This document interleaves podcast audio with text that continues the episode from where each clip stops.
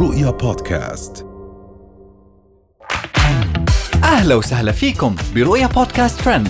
كل إشي بتحتاجوا تعرفوه عن آخر أخبار النجوم والمشاهير وأهم ترند صدر لهذا الأسبوع.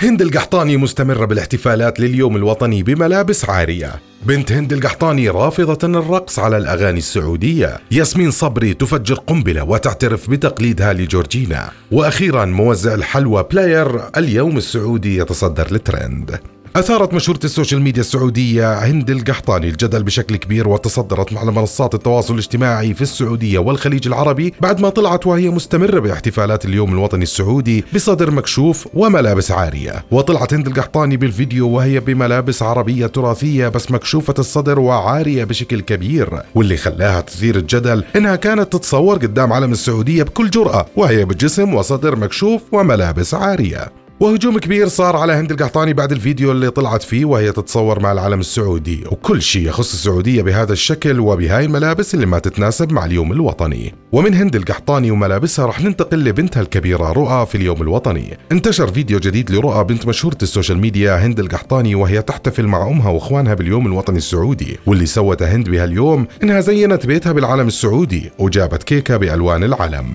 وصورت هند بنتها وهي بملابس سعودية وتقول لها ينقصك رقصة سعودية وهالشي خلى بنتها الكبيرة تنصدم وتتوتر بيوم طلبت أمها منها ترقص سعودي. ورفضت رؤى أنها ترقص الرقصات السعودية بحجة إنها ما تعرف الرقص العربي وأثار الفيديو الجدل بشكل كبير. ومن بنت هند القحطاني واحتفالهم باليوم الوطني ننتقل لياسمين صبري. قالت الفنانة ياسمين صبري إن تشبيهها دائما بعارضة الأزياء الإسبانية جورجينا رودريغيز شريكة حياة نجم كرة القدم العالمية كريستيانو رونالدو هو سبب تمتعها بنفس درجة لون البشرة. وقالت ياسمين يمكن عشان نفس لون جلدها والروح والمنظر. وإحنا عندنا مشكلة كعرب اننا بنمجد قوي في الشيء الأجنبي. ونبص للعربي إنه رقم اثنين ودي مشكلة ثقافية. وكان من الواضح على ملامح ياسمين صبري إنها انزعجت من قصة تشبيهها بجورجينا حبيبة رونالدو اللي عايشة حاليا في السعودية. ومن ياسمين صبري وجورجينا ننتقل لأكبر player في اليوم الوطني. تصدر في الأيام والساعات الماضية موزع الحلوى في اليوم الوطني السعودي الترند واللي اسمه player اليوم الوطني بشكل كبير على منصات التواصل الاجتماعي وبين المتابعين بعد احتفالات اليوم الوطني السعودي. وكثير من الفيديوهات اللي انتشرت لموزع الحلوى أو player في اليوم الوطني بين المتابعين في السعودية والخليج واللي صار له شهرة كبيرة بسبب أسلوبه وطريقته في إعطاء الناس للحلوى. والحلو في الموضوع أن رسام سعودي جسد شخصية player في اليوم الوطني على شكل كرتون بطريقة مرة حلوة وتضحك مرة.